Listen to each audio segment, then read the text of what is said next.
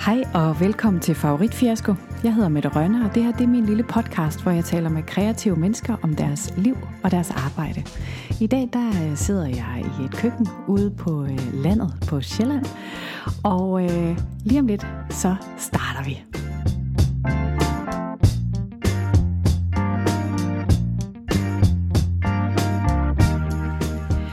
Den her episode, der taler jeg med Anna Emma Havdal. Hun er uddannet på den danske filmskoles manuskriptuddannelse og har skrevet til både julekalenderen Theo og den magiske talisman, Shit Happens og kortfilmen Sofa. Hun er også manuskriptforfatter og instruktør af DR3-serien Doggy Style, og så har hun lige vundet en robot for årets korte tv-serie og Sound Venues fremtidspris. Tak fordi, at jeg måtte komme og sidde her i dit køkken. Det var dejligt. Det er hyggeligt, du er her.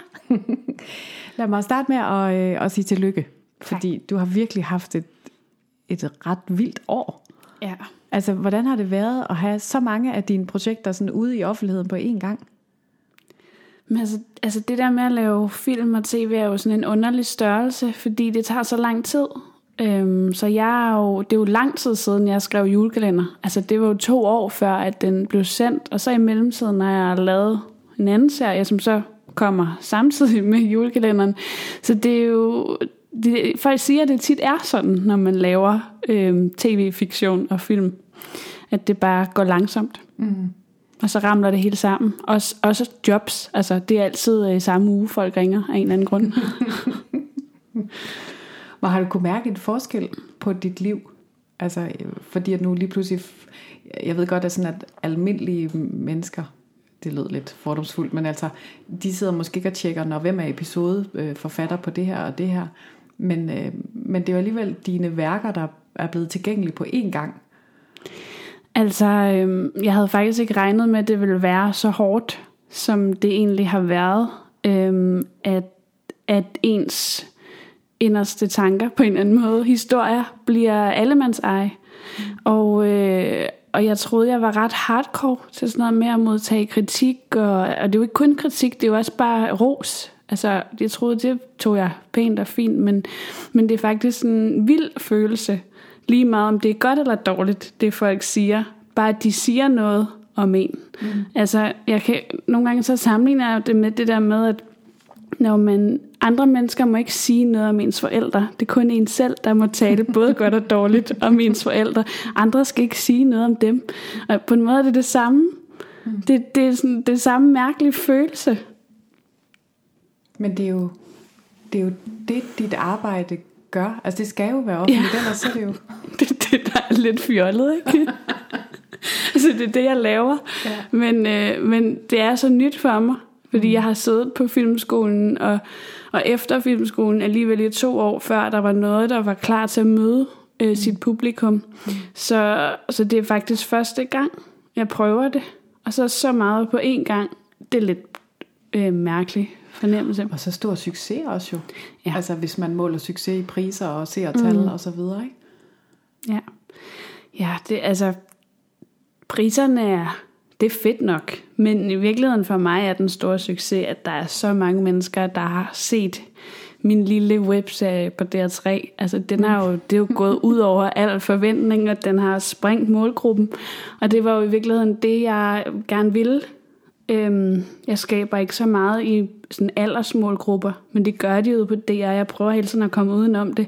Så for mig handlede det om at lave en serie til til dem, der ligesom mig selv er vokset op i udkanten, og så ligegyldigt om de tog væk eller blev hængende. Det var ligesom min målgruppe.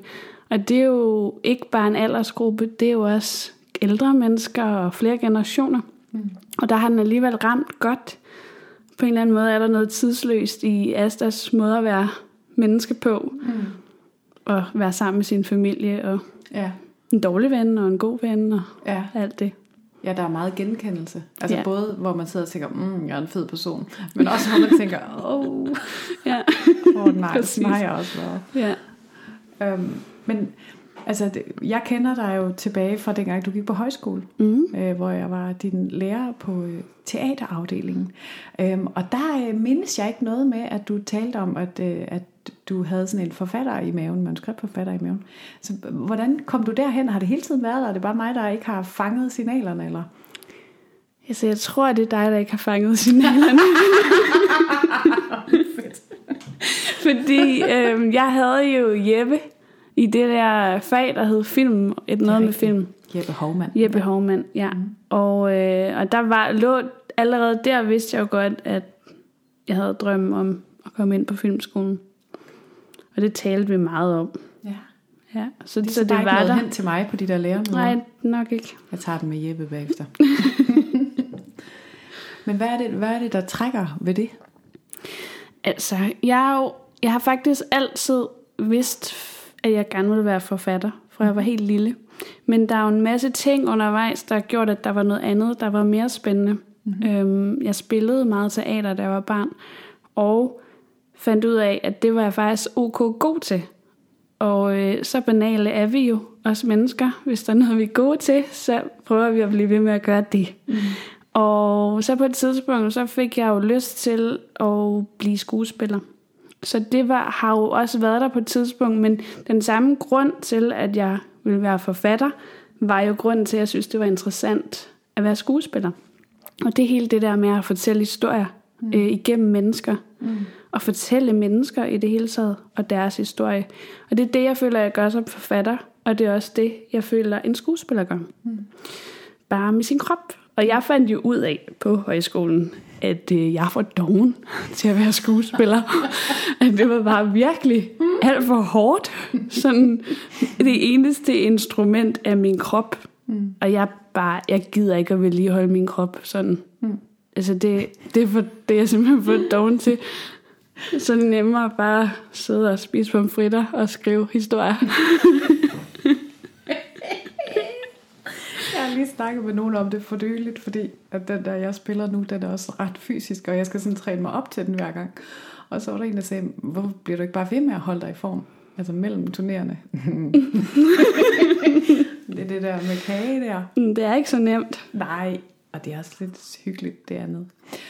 Øhm, kan du huske første gang, at du ligesom satte dit arbejde til skue, hvis vi nu holder os til forfatter eller manuskriptforfatter, første gang, at det ligesom skulle modtages? Altså, jeg tror, at det eksempel, jeg husker tydeligst, øhm, ej, som forfatter, øh, Nej, men du må også gerne fortælle, hvad, du, hvad der Hjem. lige kom ind i hovedet på dig.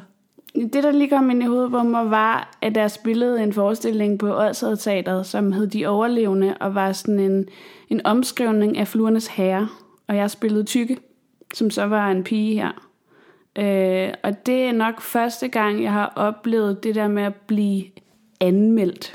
Mm-hmm. Ikke af anmelder, men også fordi alle skoleklasser i hele området kom og så den der forestilling. Mm-hmm. Så pludselig vidste alle, hvem jeg var. Og det var ikke bare, altså, jeg var ret god, mm. hvis jeg selv skal sige det. Mm-hmm. Øh, men det var også sådan en karakter, som var så karikeret. Altså tykke, ikke? tykke karakteren med de runde briller, som bliver mobbet mm. karakteren. Og den, på en eller anden måde talte den også meget ind i, i min egen oplevelse af livet. Og, og jeg føler, at den ramte noget i de mennesker, der så forestillingen. Og det var nok også ligesom der, jeg kunne mærke, okay, jeg skal noget med det her. Mm. For, netop fordi det også var lidt fedt at blive set, ikke? Mm. Endelig. Mm. Og, og fordi du kunne mærke, at du kunne rykke noget i dem? Ja, eller, eller præcis. Hvad? Ja. Det rykkede ligesom noget. Ik- ikke kun for mig som, som Anna Emma, men, men også for andre mennesker, som kunne genkende noget mm. i sig selv ved at se den forestilling. Mm. Og som virkelig følte noget øhm, omkring den mobbede karakter, som jeg spillede. Og, og du følte samtidig, at det fortalte en del af din historie? Ja, men altså, det er jo ikke, jeg er jo ikke blevet mobbet, mm. altså på den måde, som det kan være. Øhm, men der er alligevel sådan nogle sårbarheder i mit væsen, og jeg har egentlig aldrig følt mig som en, der tilhørte nogen steder. øhm, i nogle grupper, da jeg voksede op. Og, øh, og blev meget hurtigt sådan, den, hende, der var ven med alle. Mm. Uden at have en bedste ven. Mm. Og på den måde, så, så var der noget i det der med at være outsideren. Som, og det, jeg egentlig selv valgt det, føler jeg. Også fordi jeg kunne godt lide at sidde på biblioteket og læse bøger, i stedet for at spille basketball og rundbold i frikvarteren. Igen lidt doven, men meget interesseret i mennesker øhm, og historier. Og øh, så på en måde, så er det jo også et valg, jeg selv har taget som barn. Ikke at være en del af noget, og som teenager. Øhm, og, og det følte jeg der, det fandt jeg noget i med den karakter, psykekarakteren, mm-hmm. som også var sådan lidt nørdet. Så den tykke person med brillerne er selvfølgelig også nørden. ja, det kan ikke være anderledes. Nej, nej, helt stereotyp. Mm. Øhm, jeg har talt med Josefine Park, som spiller med i Doggy Style. Hun spiller veninden til hovedkarakteren. Øh, og hun, hun vandt så også lige en Robert for årets kvindelige birolle i den tv-serie. Så det var jo en, en dejlig lille bonus. Mm. Øhm, og hun, øh, jeg har bedt hende om at sige, hvad det er, som du sådan særligt, hvad er det, der gør dig særligt? Øh, og da jeg spørger hende, vil du, vil du sende mig noget linjer, så er det det første, hun skriver, ja for fanden, jeg elsker hende. Og det kan du jo så skrive som det første.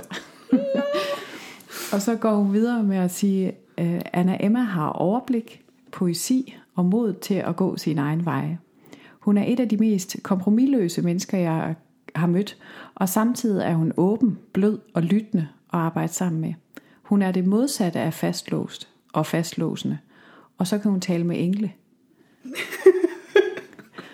og der tænker jeg, hvad er det med de der engle? For jeg har lagt mærke til, at det står jo også i rulleteksterne på, ja. på Doggy Style. Tak til alle engle. Ja, det er rigtigt.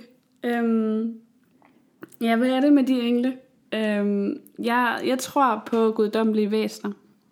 Altså nisser og trolde og engle.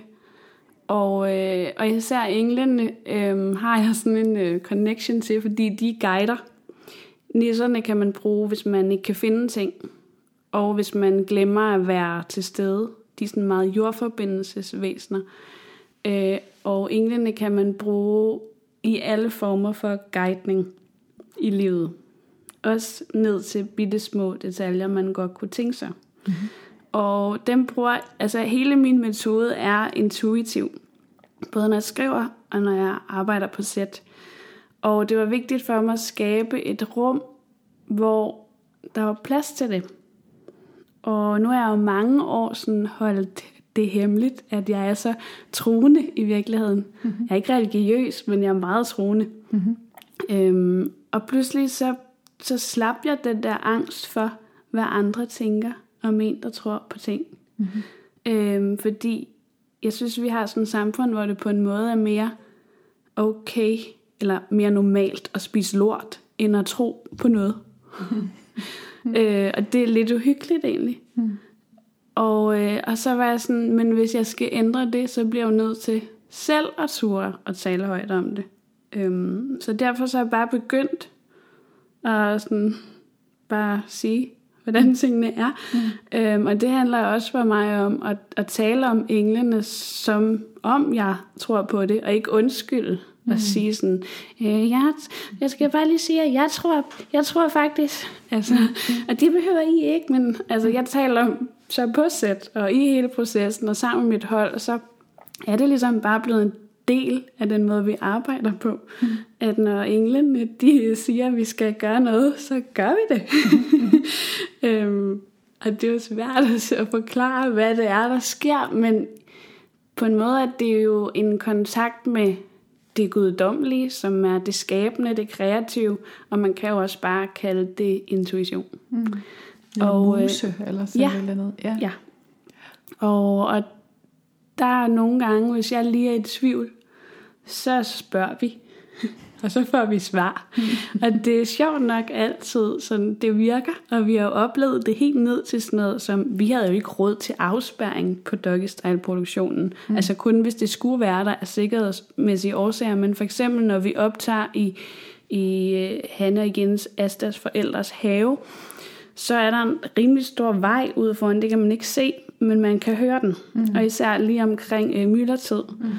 Og øh, det var sjovt nok altid det, at vi lige havde valgt at øh, filme i haven. Mm.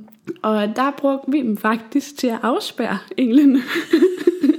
så det var sådan noget, hver gang vi sådan sagde, værsgo, så skulle vi lige, så engle, nu må I gerne lige holde bilerne tilbage. Og vi tror jo alle sammen på, at det virker, fordi vi endte jo med at have det i kassen, vi skulle, uden at blive forstyrret af biler på vores øh, lyd. Mm. Øh, så kom der en flyver i stedet for nogle gange, men altså... Men er det noget, som du har haft fra din barndom, eller er det opstået? Er det, det er opstået. Det, at, øh, man kunne godt forestille sig, at hvis du har siddet meget på bibliotek og du dykket ned i historier, at du har haft et meget rigt indre liv ja. med fantasi. Men jeg er faktisk vokset op med det helt modsatte. Altså Nå. min far kæmpe anarkist, agnostiker og sådan fuldstændig religionsforskrækket. Mm-hmm. Og det er blevet tudet ørerne fulde med. Øh, men jeg har senere fundet ud af, fordi jeg har ligesom dykket ind i det her i mødet med andre mennesker. Ligesom hele tiden blevet, er jeg blevet sådan sendt i armene på nogle mennesker, der vidste meget om, om sådan nogle spirituelle sammenhæng. Og så er jeg ligesom langsomt kommet ind i det, blevet lullet ind i det. Mm-hmm. Og, øh, og så har jeg fundet ud af, at min mor har alle de bøger, som jeg jo så har købt stående derhjemme. Nej. Så det har jo været der, mm. uden at jeg vidste det. Fordi mm. min mor holder det der virkelig tæt til kroppen på grund af min far. Ikke? Mm. Øhm, så, så det har været der, men jeg har ikke anet, at det var der. Og det er først de sidste par år, eller hvad, du sådan har anerkendt det?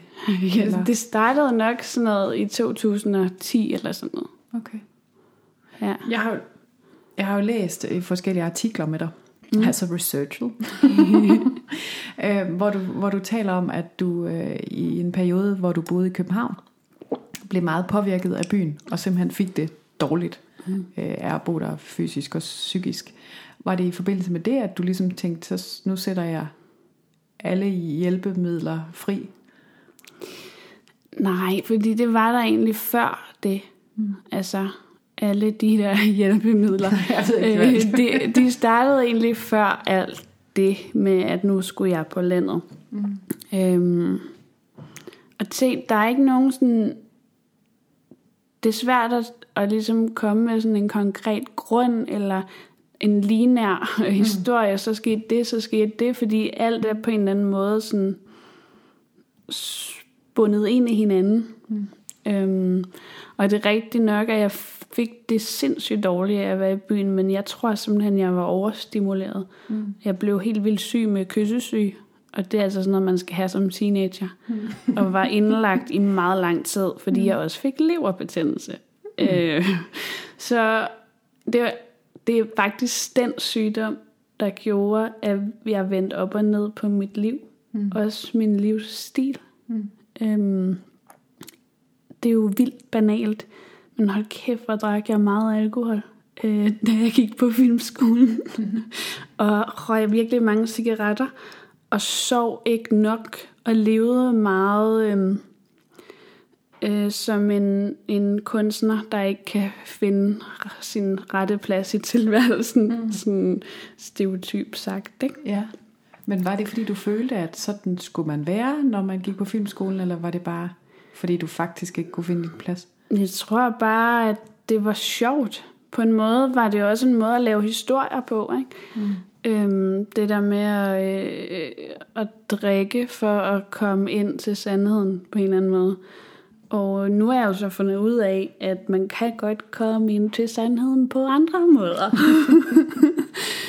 øhm, og så tror jeg, der er jo et slip i det der med berusningsmidler. Mm. Og det er jo ikke bare alkohol og cigaretter. Det er jo også sukker, og det er kærlighed, og det er sex, og det er at danse og spise og se øh, binge serier eller gå i biografen. Det er jo alt sammen stimulanser, der på en eller anden måde tager os et andet sted hen, end der, hvor vi er. Mm.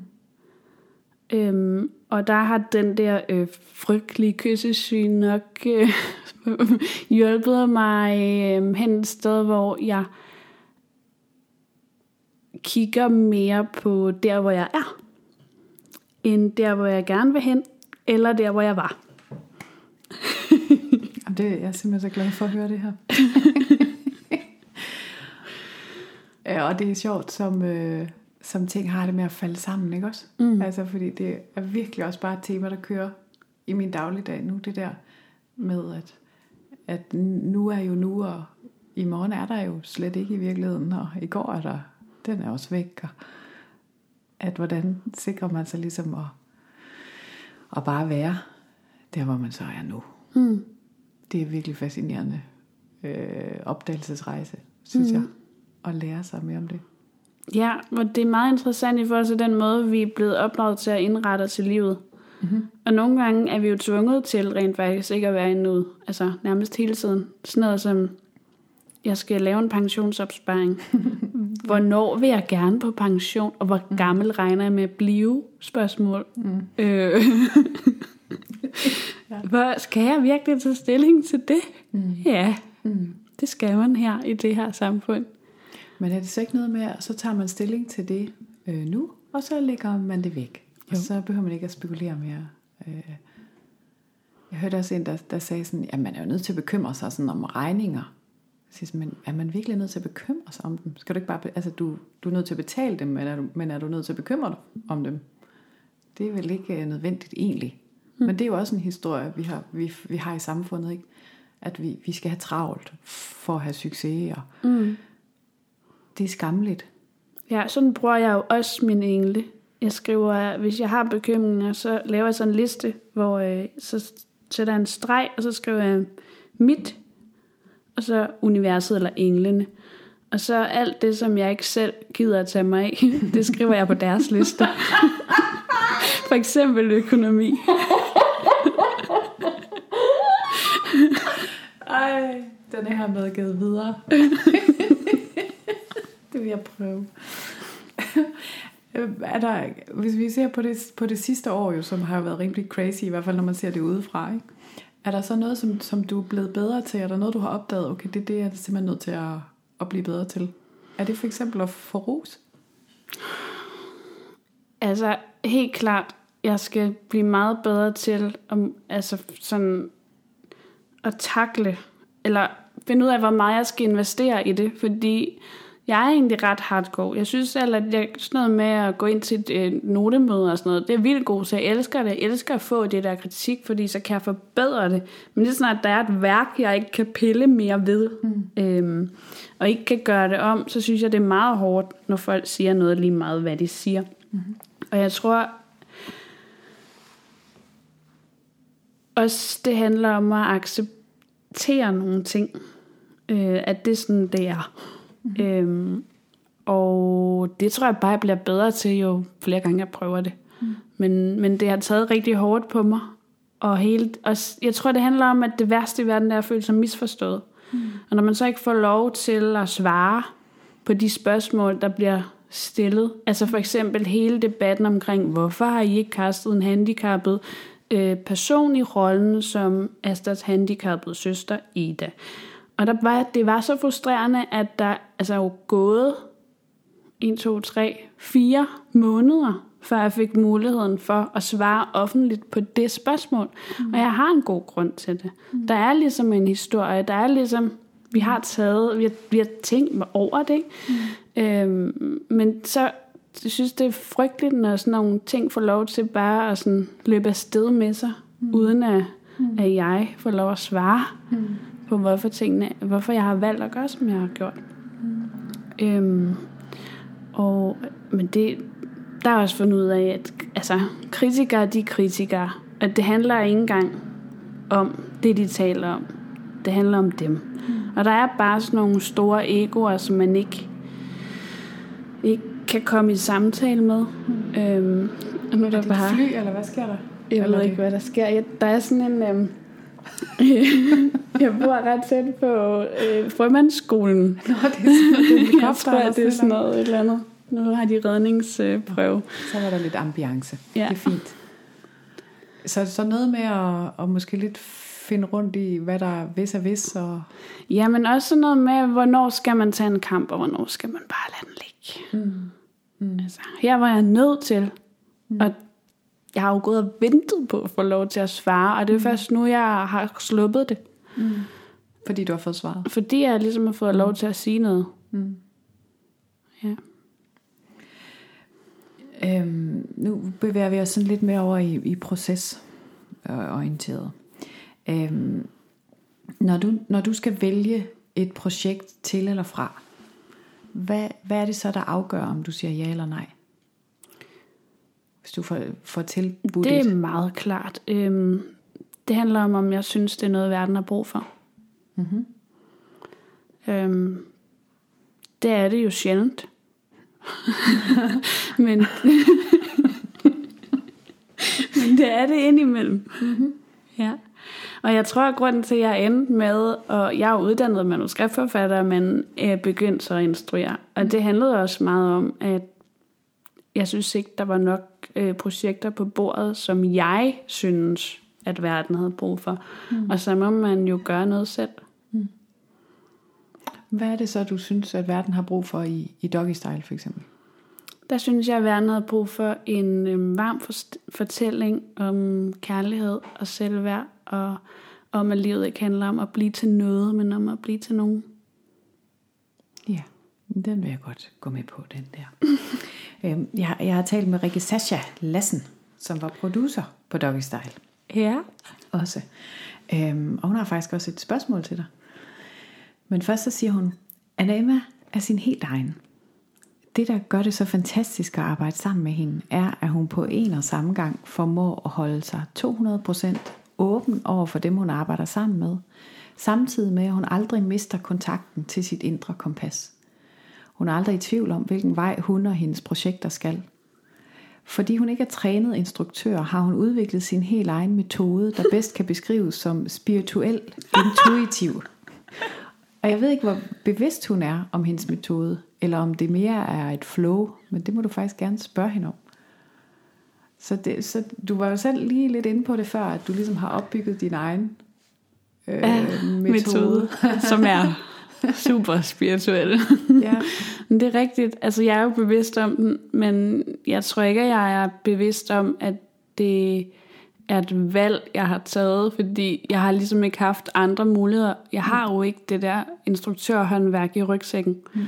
Øhm, og så må man jo bare gøre tingene på sin egen måde. Mm.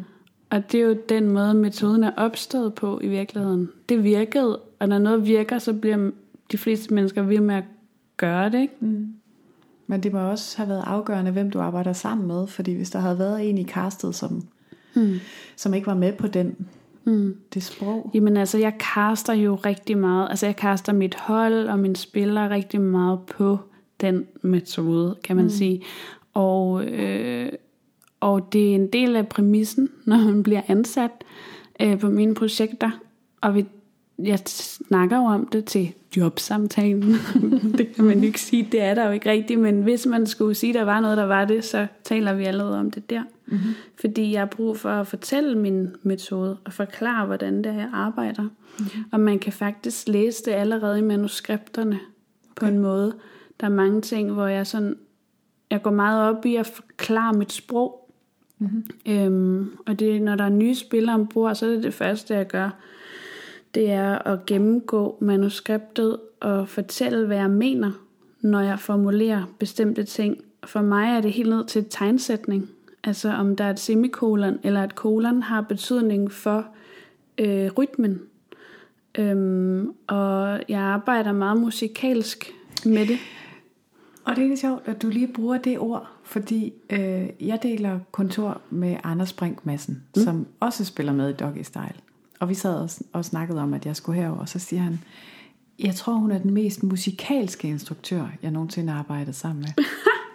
at det var som, han, han beskrev, at når I sad og, og øvede en scene, inden I skulle tage den, så kunne han nærmest se, at du sad og øh, havde takslag i hovedet, eller øh, sad og lyttede til en melodi, og hvis der så var noget, der ikke stemte, så, så kunne du høre det. Ja. Øhm, så, og du siger, ja, har det, du? jamen, det er rigtigt. Du kan høre det. Det er fuldstændig sådan, det er. Øhm, jeg, kan også, jeg læser altid mine øh, manuskripter op for mig selv, eller for min kæreste, og så er det som regel, at han laver noget andet, så han hører det ikke. Men bare det, at der ligesom er en modtager, gør ret meget, fordi det er sådan, jeg kan høre det. Mm. Hvis der ligesom er nogen, der foregiver at være mit publikum, så kan jeg bedre høre, om, om det lyder rigtigt. Og det er lidt ligesom at sidde og, og spille klaver, eller sådan, mm. øhm, fordi det handler så meget om bevægelsen, og hvornår der lige ligger et omkvæd, og så kommer der et B-stykke, og, mm. og det er helt ned til tekstens bevægelse og dialogens bevægelse, men også ind i hvert lille beat, hver en bevægelse mm. og overgangen, øh, men også sådan set i, i perspektiv, større perspektiv hen over hele øh, afsnittet for eksempel, hvordan det spiller sammen. Mm-hmm. Øhm, og jamen jeg ved ikke, det er, jo, det er jo virkelig ikke en metode, jeg er bevidst om. Det er der aldrig nogen, der har lært mig, eller... Hvad så, når du, når du står i situationen, og der er pludselig nogle skuespillere, der skal fortolke det? Er, er, du så, altså, er det papegøjeinstruktion, at de skal sige det på i den her melodi? Ej, Nej, det er jo et meget måde, lavet ord, beklager. Jamen, jeg forstår det. Øhm, det gør jeg ikke. Der er nogle gange, hvor jeg gør det, hvis det er i forhold til noget dialekt, eller et eller andet, sådan mm. lyden af et ord, eller en replik, der ligger sådan forvrænget. Mm. Øhm, men ellers så taler jeg egentlig mere om sådan noget med intentionen, fordi jeg tror på, at hvis, hvis det ikke spiller, eller hvis der er en replik, der bliver sagt forkert, så er det fordi spilleren ikke har forstået, hvad intentionen med replikken er. Mm. Og derfor laver jeg meget mere læseprøver, end jeg laver sådan workshops, hvor vi er på gulvet. Vi sidder egentlig bare og læser. Mm. Øhm, for ligesom at, for, jeg skal være sikker på, at alle har forstået 100% deres intention med alt, hvad de siger og gør i alle scener. Og det er jo også sådan, jeg finder ud af, når jeg ikke er klar nok. Altså når, når manuskriptet simpelthen ikke har gjort sit arbejde. Det er jo, når skuespilleren ikke kan læse det ordentligt. Mm. Og så skriver jeg det om Skriver du det om på, på stedet, eller hvad? Nej, altså det er jo, når vi har læseprøver, ikke? Okay. Altså jeg, jeg kan bedst lide at gå øh, 100% forberedt på sæt, så jeg laver de der prøver inden. Men der er jo også tit, hvor så står vi derude, netop fordi vi ikke har arrangementprøver. Mm. Øhm, så står vi ude på sæt, og så virker det ikke i forhold til arrangementet, fordi det er umusikalsk. Altså teksten hænger ikke sammen med det arrangement, jeg har forestillet mig. Mm. Eller også så kan det ikke løses rent filmisk, fordi altså sådan noget helt dumt, som fotografen har ikke noget sted at være, altså ikke plads, mm. hvor skal billedet tages fra, agtigt. Mm. Øhm, og der laver vi det så om.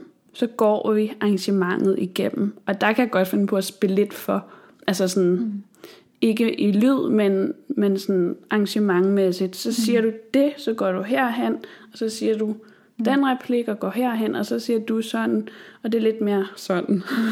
så det er sådan på en eller anden måde, at det sådan, jeg føler, at jeg dirigerer. Ja. Jeg afbryder lige kort, øh, og nu kan det være, at du tænker, åh oh, nej, en af de der afbrydelser. Men, men lyt, uh, giv det lige en uh, chance, fordi jeg afbryder af to grunde. Den første er lige for at sige tak, fordi du stadigvæk lytter med. det kan selvfølgelig være, at du stopper med det her, men Øh, og den anden er, at øh, inde på vores Facebook-profil, der ligger der sådan en lille video, der viser, hvordan man rater og øh, giver en anmeldelse i den, der hedder iTunes-appen, den der lille app med øh, det der hvide, den hvide sendemast. Fordi det var nemlig sådan, at sidste jul, så skulle min mor forsøge at, og rate og anmelde den her, og hun fik den altså givet en stjerne. Og det var en fejl, sagde hun, og det håber jeg, da er rigtigt. Men i hvert fald så øh, fik jeg lavet sådan en lille video sammen med tryllekunstner Kim Andersen, øh, hvor, man, hvor, hvor du lige kan se, hvordan man øh, gør. Det er super nemt, og det betyder ekstremt meget. Så det håber jeg altså, at du øh, lige gider at gøre som tak for øh, gratis underholdning. Og nu tilbage til snakken. Har, har du altid, fordi nu forestiller jeg mig, hvordan du ser ud, når du står der og laver det her. Har du så altid haft den der viden om, at du havde ret til at bestemme det? Altså at du, jeg lavede kolon, eller gåsøjen ved ret, øh, at du var øh, værdig til det? Nej. Men hvordan har du opbygget den øh, tro på dig selv så? Den er jo på en måde kommet skridt for skridt. Øh, jeg har aldrig set på mig selv som en instruktør. Jeg har set på mig selv som en øh, manuskriptforfatter, en historiefortæller. Og, øh, og det er jo på en eller anden måde det er kommet meget langsomt. Jeg er stadig vildt svært ved at i tale sætte mig selv som instruktør. Og det, det er fordi, det føler jeg egentlig ikke, jeg har ret til. Jeg føler egentlig heller ikke, at jeg har ret til at instruere noget som helst. Det er der jo mange, der synes, at det har du rigtig meget ret til, og er rigtig dygtig til det. Ja, men det, det ved jeg ikke. Altså, det, det tror jeg tager lidt ekstra tid for mig at komme derhen, fordi jeg, jeg, jeg er bare historiefortæller. Ja. Og øh, det er også, jeg tror også, jeg det føles også forkert, fordi det er jo, vi har sådan en tendens til at tro, eller det tror folk, der gør biografen, jo, at instruktøren har lavet hele filmen selv. Mm. Mange tror også, at skuespillerne selv finder på replikkerne. Det er de mm. færreste, der ved, hvad en manuskriptforfatter er. Ikke? Mm. Øhm, måske efterhånden er vi nået til et punkt, hvor flere ved det. Men min far for eksempel, da jeg startede på filmskolen, så spurgte han rigtig meget ind til, hvad jeg egentlig lavede. Ja. Og da jeg så forklarede ham, at jeg havde skrevet det, de siger, og det, de gør, mm-hmm. så var han helt altså blank. Han, var sådan, det, han kunne slet ikke få det til at hænge sammen, at det ikke var skuespilleren, der selv fandt på det. Nej. Øhm, og der fandt jeg bare ud af, ved at sige det højt, at det er der er rigtig mange, ja. der tror. Ja. Øhm, hvor kom jeg fra? Hvorfor, hvor, hvorfor øh, fortæller det, jeg det? Jamen, øh, det er det her med at tro på, om du, om du har lov til Nå, det, ja. eller hvad skal sige. Øhm, og men jeg kan sgu ikke huske min pointe. okay, jeg vil tager lige en anden vej rundt så. Øh, det, er fordi, når du fortæller om, hvordan du instruerer, så, så ser du ud som om, at du gør det med meget stor autoritet. Ja. Øh, og det, det må da komme af en tro på, at, Nå ja, nu kan jeg huske pointen. Ja. Vi er, altså hele det der med, at instruktøren laver filmen. Mm. Øhm, og det er, det er jo slet ikke sådan. Altså det er jo i virkeligheden alle omkring instruktøren, der gør det hårde arbejde hvis jeg ikke selv havde også skrevet manuskriptet, så ville jeg virkelig føle, at det var den vildeste sådan pseudo-funktion at være instruktør. Fordi det er jo alle de andre, der gør arbejdet. Men instruktøren må have et overblik. Og det eneste, instruktøren i virkeligheden skal, det er at sørge for, at øh, skuespillerne forstår, øh, kan, forstår den mentale tilstand af deres karakter. Øhm, og så bevæge det hele den rigtige vej. Også en gang en, der sagde til mig, at det eneste en instruktør skal, det er at have god smag. Den tog jeg også til mig. Mm-hmm. Øhm, og hvad, hvad betyder det, når vi er inden for, for film? Jamen det er jo sådan i virkeligheden at kunne få det hele til at gå op i en højere enhed med en eller anden form for samlet øhm,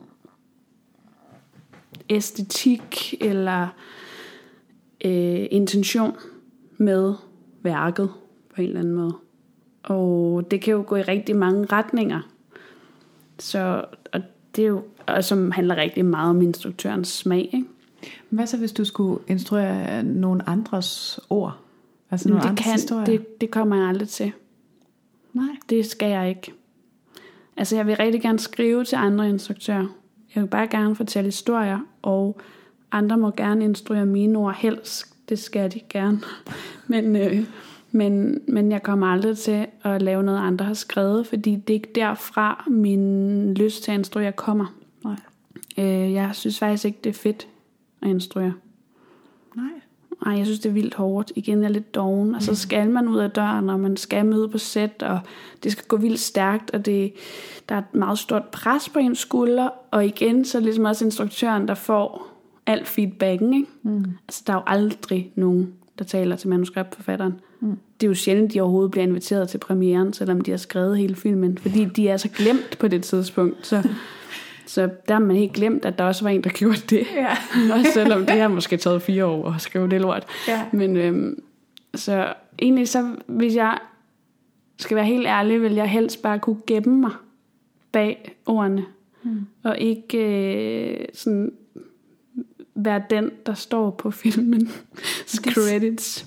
Det er sjovt, fordi at, at gang vi havde lavet aftalen om, at jeg skulle have, så gik jeg tilbage og kiggede i mine noter om dig.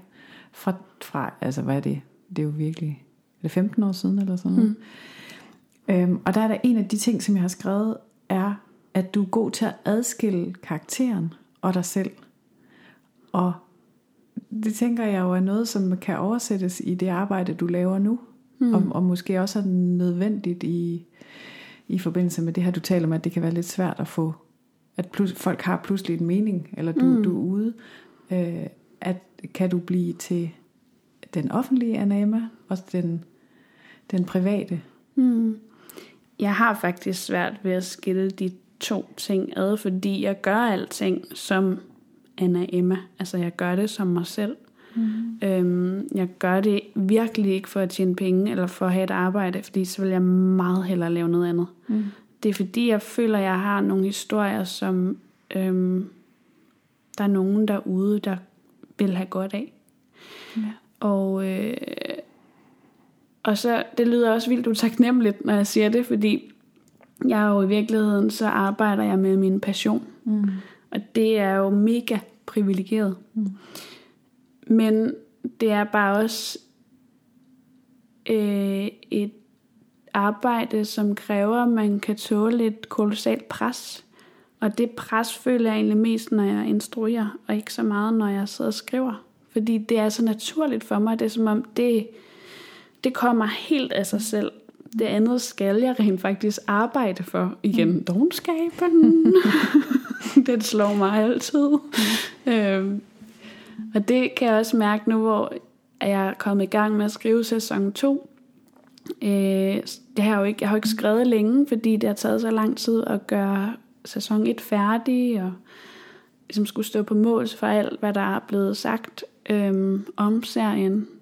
Og, øh, og det er bare så rart at være tilbage ved tasterne. Mm. Det, det, det glider, det har der et flow på en helt anden måde, end, end jeg synes. Og det er ikke fordi, der ikke er flow, når vi er i øh, præproduktion og poster med helt, altså helt, vi er jo virkelig, vi har faktisk været heldige. Vi har været boet på englevinger. Mm. Øhm, også bare med vejret. Mm. Men, men det er bare et, et vildt stykke arbejde at få så mange ting til at hænge sammen, og det er tit, jeg sidder og tænker, når vi forbereder at skulle på optagelse, hvor er det latterligt. Hvor er det, fuck, hvor er det åndssvagt, det vi laver. Altså, det er jo dukketeater. Det er jo fuldstændig sindssygt, at man kan bruge flere uger på at sidde og finde en anden helt perfekt ting. Den perfekte et eller andet. Og så mange mennesker, alle sammen arbejder 37 timer minimum, de fleste 80 om ugen, for at det skal kunne lykkes. Og det giver ikke nogen mening, når man så ser det på skærmen. At det sådan, så er der bare sådan et billede af nogen, der spiller, er noget. Altså, der sker, så er der en eller anden historie. Og ingen har en anelse om, hvor mange mennesker, der har stået der i det område, for at det der skulle lykkes. Men at det er jo, det er jo helt åndssvagt nogle gange. Jeg kan godt blive helt i tvivl om, jeg er på den rette hylde, fordi det føles også sådan lidt klamt på en måde. Hvordan det? Det er, fordi jeg, det er jo også fordi, jeg tænker sådan noget, jamen, der er også folk, der dør i krig. Mm-hmm. og så, så laver jeg det her. Mm. Og hvad gør det overhovedet? Men så må man også lige komme ned på jorden, ikke? Mm. Der er, man kan ikke have dårligt samvittighed over at have det godt. Og det kan man sagtens, men det Det må ikke... man ikke. Man må ikke have. Man må ikke. Det kan man virkelig godt, men det må man ikke. Den kender jeg godt, den der. Nej. Nej, altså verden bliver vel ikke et bedre sted af, at man går og har det dårligt, Nej. ved at andre har det dårligt. Nej, det er det. Altså det der med, hvorvidt det, man har at sige, har værdi for verden. Mm. Øhm, det tror jeg er et spørgsmål, som mange skabende folk øh, knokler med. Det lyder som, som om, at du øh, har besøgt den tanke nogle gange. Mm. Øhm, har du en oplevelse af, hvornår, eller at du har f- øh, fået bekræftelse på, at, at det har værdi? Mm. Altså at du har, du har ramt et menneske, mm. eller flyttet et menneske, ligesom med, mm. med tykke. Ja. Altså det føler jeg jo faktisk både med julekalenderen og med Doggy Style især. Altså nu, var jeg, nu er jeg jo ikke den, folk har skrevet direkte til i forhold til julekalender, fordi jeg bare skrev manuskripterne. Mm-hmm. Øhm, men som øh, instruktør på Doggy Style, så har jeg fået ikke sådan ekstremt mange henvendelser på Facebook og Instagram fra rigtige mennesker, der har set den og føler sig set og hørt og rørt og føler, der endelig var noget for dem. Mm-hmm. Øhm, og det er, jo, det er jo den feedback, mm. der er fed. Mm. Det rører noget, ikke? Mm. Ja, anmeldelserne, nej tak. Men de rigtige anmeldelser fra mm-hmm. publikum, dem kunne jeg godt lide. Dem er der rigtig mange af i min indbakke, og de kommer stadig sådan løbende. Mm. Og det er jo i virkeligheden der, jeg opdager, at jeg har skabt noget, som har værdi for nogle andre på en eller anden måde. Mm. Det er jeg glad for at høre. Øhm, men de folk, som så ikke kan lide det, du laver, mm. om det så er anmelder eller i en almindelige mennesker, hvordan håndterer du det? Anmelder har du været inde på, med, at det, det, det, det er øh, Altså, der er jo faktisk ikke særlig mange dårlige anmeldelser. altså, det har der virkelig ikke været. Så det er jo noget mærkeligt, når man nødt at skyde skylden på dem, men det er jo fordi, jeg kan finde på at sidde og kigge på den ene sætning, mm. hvor der lige, altså som engang er en dårlig anmeldelse, men er, er min hovedkarakter er narcissistisk, og så bliver jeg vred ind i, fordi hun er i hvert fald ikke narcissistisk, hun er mm. alt andet end det. Mm. Hun er bare et menneske, som mm. har det svært. Mm. Øhm, det er hun selv. Mm. Det er, der er jo, jeg tror, jeg bliver irriteret, når folk ikke kan se, øh, se igennem sådan nogle ting. Mm. For eksempel med Esther, fordi for mig så vidner det bare mere om deres egen selverkendelse. Mm. Og, øh, og det, det er sådan nogle ting, jeg synes, der har været svært. Fordi det handler om det der, som så er de jo misforstået det hele. De har jo ikke kigget ordentligt. Mm. De har jo ikke set serien færdig og sådan mm. nogle ting. Så bliver jeg irriteret. Der var et spørgsmål. Øh, det er, hvordan du reagerer på, hvis ja. folk ikke kan lide det, du laver?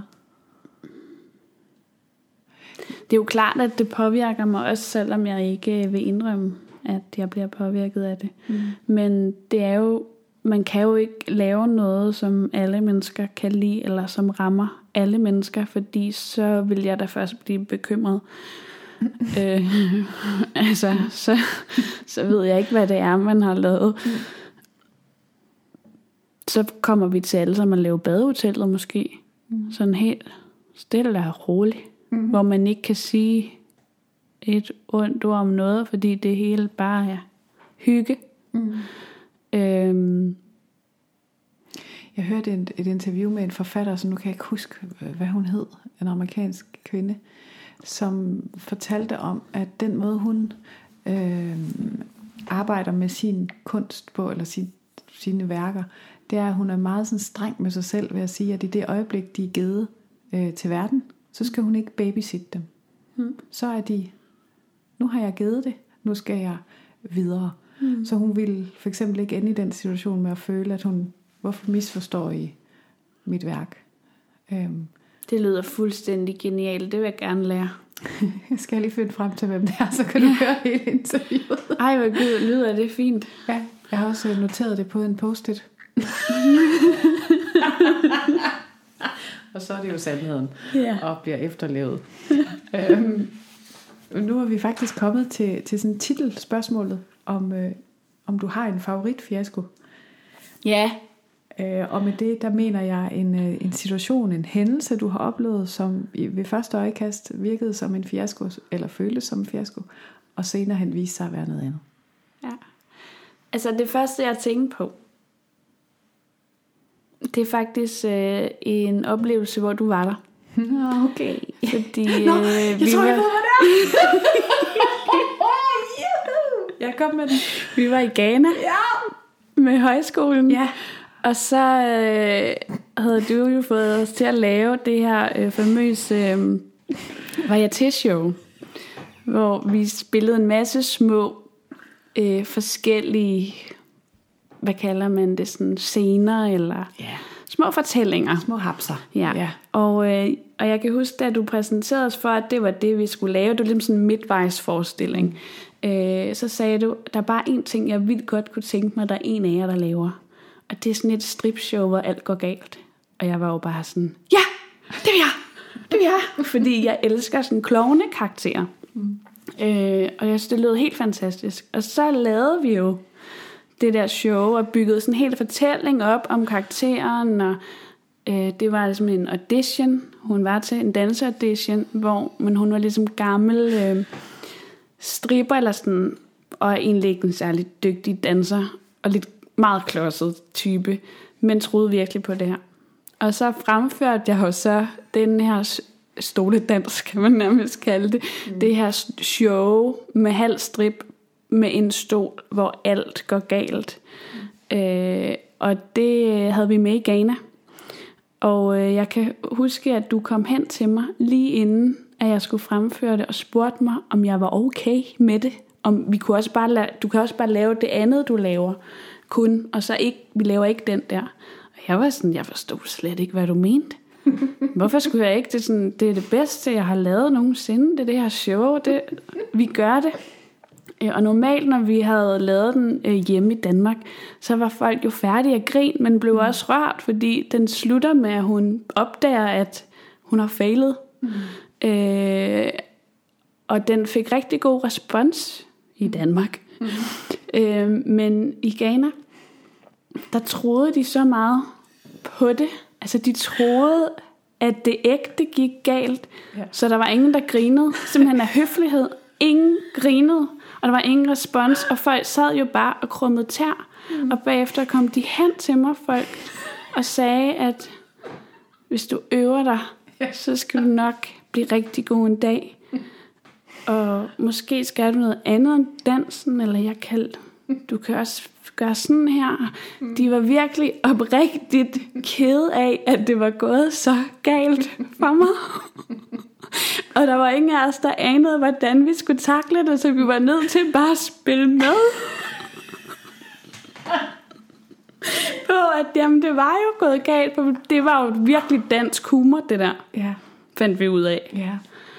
Øh, så de, den, de fangede ikke ironien der. Nej. Og det var meget smukt. Mm, mm. Fordi egentlig var det jo en, altså, en kæmpe fiasko, men på den anden side, så kunne jeg jo klappe mig selv på skulderen, fordi det var så godt spillet, at de hoppede i med begge ben. Ja. Ja. Men, og jeg, kan, jeg har også tænkt på den senere hen, altså gået sådan noget klukket, når jeg er kommet i tanke om den.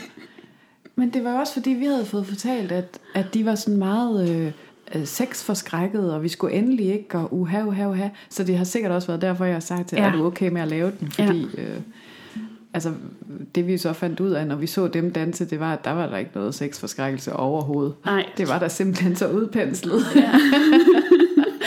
Alle de der historier. Ja, det er rigtigt. Åh, oh, det var en, det var en god dag. Det var, var en rigtig god dag. Der var også en lesbisk scene, kan jeg huske, som den var de ikke så begejstrede for.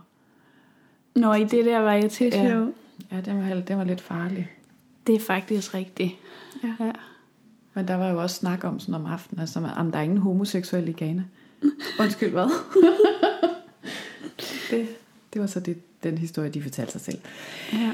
Øhm, ja, nu er vi så nået til det her øh, sådan lidt øh, rapid fire øh, spørgsmål. Hvis du har et, et, et langt, godt svar, så giver du selvfølgelig bare det. det er ikke fordi, man skal tale hurtigt. Øhm, men hvilket råd vil du give en person, som øh, gerne vil være manuskriptforfatter? Oh shit. øhm, bare hurtigt. Kom, kom. Yeah. Øh, jeg tror jo ikke på, at der er sådan et råd, fordi at øh, historie fortæller, det er noget, man er med hjertet og som menneske, og med hele sin krop og sjæl og måde at være i livet på. Det er ikke noget, man øh, bliver eller uddanner sig til. Men så kan man dygtiggøre sig ved at gå i skole, eller kurser, eller øve sig. Og øh, det, som jeg synes, jeg møder igen og igen, og igen som det sværeste at forstå, når man øver sig, det er, at det er helt dumt. Writing is rewriting. Mm. Og det er aldrig godt første gang, man skriver det. Og det er jo lidt ligesom det der med, at man skal øve sig som skuespiller, og der var jeg for doven, og man skal bruge sin krop og træne og sådan noget. Øh, så skal man også altså, øh, træne sit historiefortællegen. Mm. Det er en muskel, mm. øh, som skal trænes, ligesom når man går til fodbold. Og det gør man ved at skrive den, skrive med musklen, men det gør man også ved at fortælle historier hele tiden. Og huske at fortælle dem højt. En forfatter er ikke sådan en, der sidder og tænker tingene frem, eller det er i hvert fald hårdt, mm. hvis man skal tænke alting frem. Øhm, så jeg vil faktisk sige, skriv med kroppen, skriv med pikken, skriv med fissen. Øhm, Alt andet end hjernen. mm-hmm. Og, øh, og så bare skriv ovenpå igen og igen og igen. Fordi man laver ligesom et første draft, et første skriv, for at have noget at bygge ovenpå. Og på en måde er en historie ligesom en menneskekrop. Der er et skelet, og så skal der nogle organer til, og der skal noget blod og noget hud, og så skal der også en sjæl, øh, og nogle sanse øh, øh, ting, mm. som øjne og næse og mund. Og, øh, og hvis man kan kigge på sin historie som en menneskekrop, ja, ja, jeg forstår jo alting i metafor. så det, det er sådan, det er sådan, jeg gør. Mm. Men jeg ved jo ikke, om det er det rigtige for andre at gøre. Mm. Men det virker for mig, og jeg har set det virke for andre. Hvilke dårlige råd hører du ofte i din branche?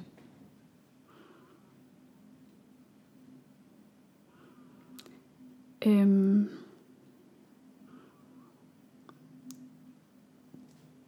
det er sådan noget som, at man,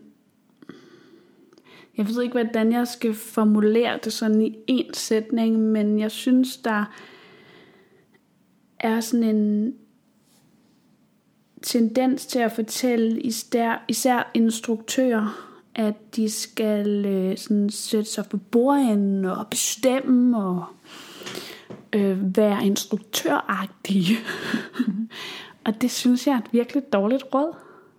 Øh, fordi vi kommer jo ikke nogen vegne ved at være kongens efterfølge, eller være kongen. Altså, vi, i virkeligheden, så kommer vi meget længere som efterfølger. Eller sådan, det var også en mærkelig metafor, jeg fik skabt der. Men jeg tror, at i stedet for at være øh, tro, man skal opfinde den dybe tallerken og bestemme meget, så skal man i virkeligheden lytte og oplyse og, og formidle og øve sig i kommunikation mere end at sådan bestemme noget. Og fordi det er jo virkelig det, der er arbejdet. Mm. Og det er det samme som manuskriptforfatter. Altså, du skal jo ikke finde på, du skal ikke sidde og finde på en masse historier, du skal gå ud i verden og kigge på den, og så er de overalt omkring dig og så skal du finde en måde at formidle dem på. Det er jo kommunikationsarbejde. Mm. Og der, øh, jamen jeg ved ikke, jeg på en måde så, jo, nu ved jeg, hvordan jeg skal forklare det. Fordi der er mange, der siger, at, en, at som kunstner må du have et stort ego for at komme videre i verden. Og det er omvendt. Som kunstner bliver du nødt til at kunne sætte kunsten højere end dit ego for at komme nogen vegne. Øh, vi skal ikke skabe med vores ego. Vi skal faktisk lægge det væk for overhovedet at kunne skabe. Jeg sidder bare med et stort smil på. Det kan man jo ikke se. Hvad er så øh, det bedste råd, du har modtaget i dit professionelle liv? Det har været det der med at skrive med pikken. Jamen, det var noget, Mogens Rukov sagde, som ligesom er manusdoktoren over alle manusdoktorer. Mm-hmm. Øhm, desværre øh, er han her ikke længere, men det er en af de ting, der sådan står malet ind i min hukommelse. Fordi det er rigtigt, og det er jo meget sådan en meget mandsjournalistisk måde at sige det på, men han kunne også bare sk- sagt skrive med fissen, fordi at det havde han jo nok sagt, hvis han havde haft en fisse, men nu havde han jo en pik, og så var det det, han sagde. Øh, men nogle gange kan det også være meget godt, tror jeg, som kvinder at forestille sig, at man har en pik i stedet for, fordi at vi ligesom er blevet indkodet med, at, at fissen er noget skamfuldt. Og det ligger bare i vores DNA og i vores ryggrad så meget, så, så hvis man nu bare også tænker, at man også har en pik, altså har begge dele, så er man altså virkelig godt kørende. og jeg tænker også sådan for mænd, ikke? Altså hvis de forestiller sig, at de også har en kusse, så tror jeg, så er man rigtig godt kørende. Så kan man skabe fra begge sider. Ja. Men der er også noget der med, om man, er, om man går ind, eller om man modtager. Ja. Der er også noget i det, ikke? Der er jo en balance. Ja. Ja. Hvad er det bedste råd, du har modtaget i dit private liv?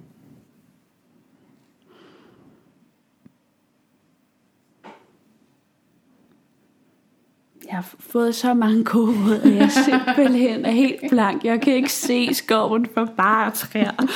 øhm, Det er okay. altså det kan... det, jeg har lyst til at sige, det har jeg lige skrevet ind som en replik i sæson 2. Sådan.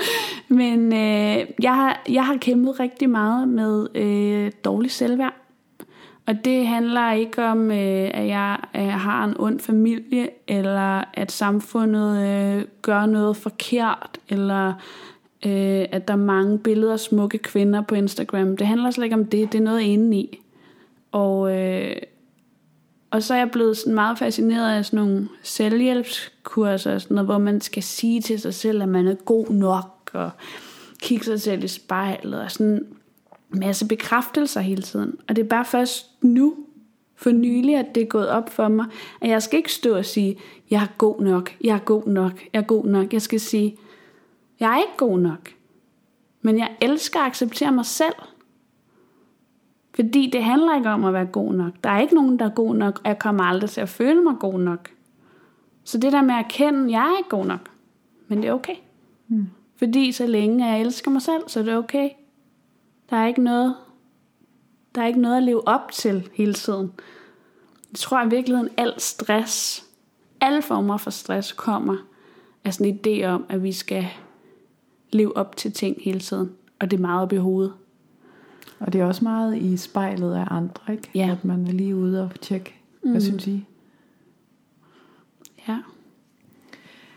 Har du et, et motto eller et citat, som du sådan vender tilbage til igen og igen i dit liv?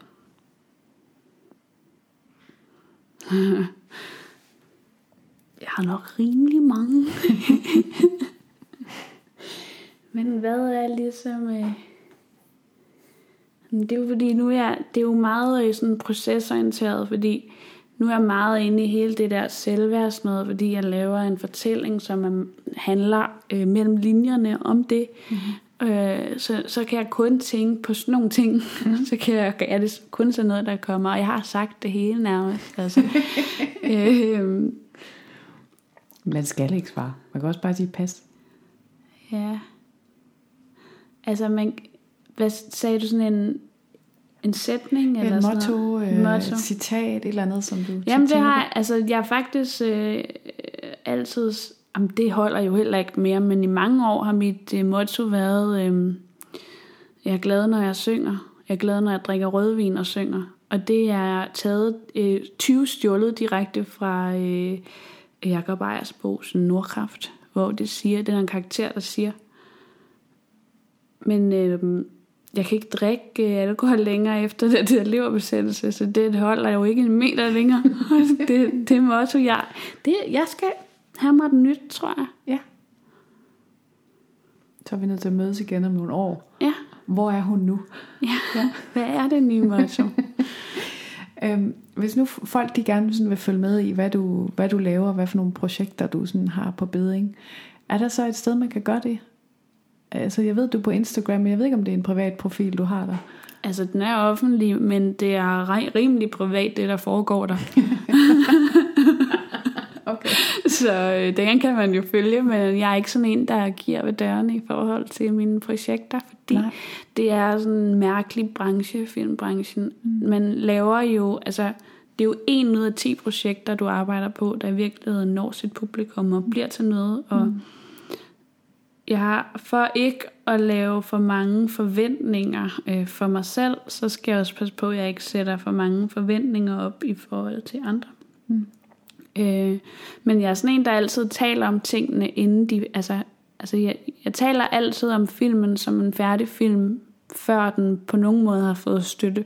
Mm. Øh, og det er sådan generelt, hvis der er noget, jeg gerne vil have i livet, så taler jeg om det, som om det allerede er der, fordi jeg tror på, så manifesterer man det. Mm. Øhm, så hvis man sådan snakker med mig, så kommer jeg jo til at sige det hele tiden, hvad jeg er i gang med og sådan noget. Men, men man kan ikke følge med nogen steder. Mm. Også fordi det er en underlig virtuel virkelighed. At Som skulle have et forum på en eller anden måde, hvor man kan det. Mm. Så man skal ind på IMDB og se? Se, hvad der er gang i, ja. Mm. Godt, jeg laver, et, jeg laver et link i show notes til, til din IMDB-side. Det var, øh, det var det hele. Tusind tak, fordi jeg måtte øh, komme på besøg. Det var virkelig dejligt at tale med dig igen. Det var så hyggeligt. Det var alt for den her gang, men hvis du har, vist, øh, hvis, hvis du har lyst til at, øh, at høre nogle af de øh, øh tidligere episoder, så ligger de altså på Podbean og kan høres på podbean.com eller på Podbeans app, som du kan downloade med på din smartphone. Du kan også høre med øh, via iTunes og følge med på Instagram og Facebook. Og er du ikke sød at gå ind og lave en rating ind på, øh, ind på appen, iTunes-appen? Det betyder altså rigtig, rigtig meget. Tak. Hej.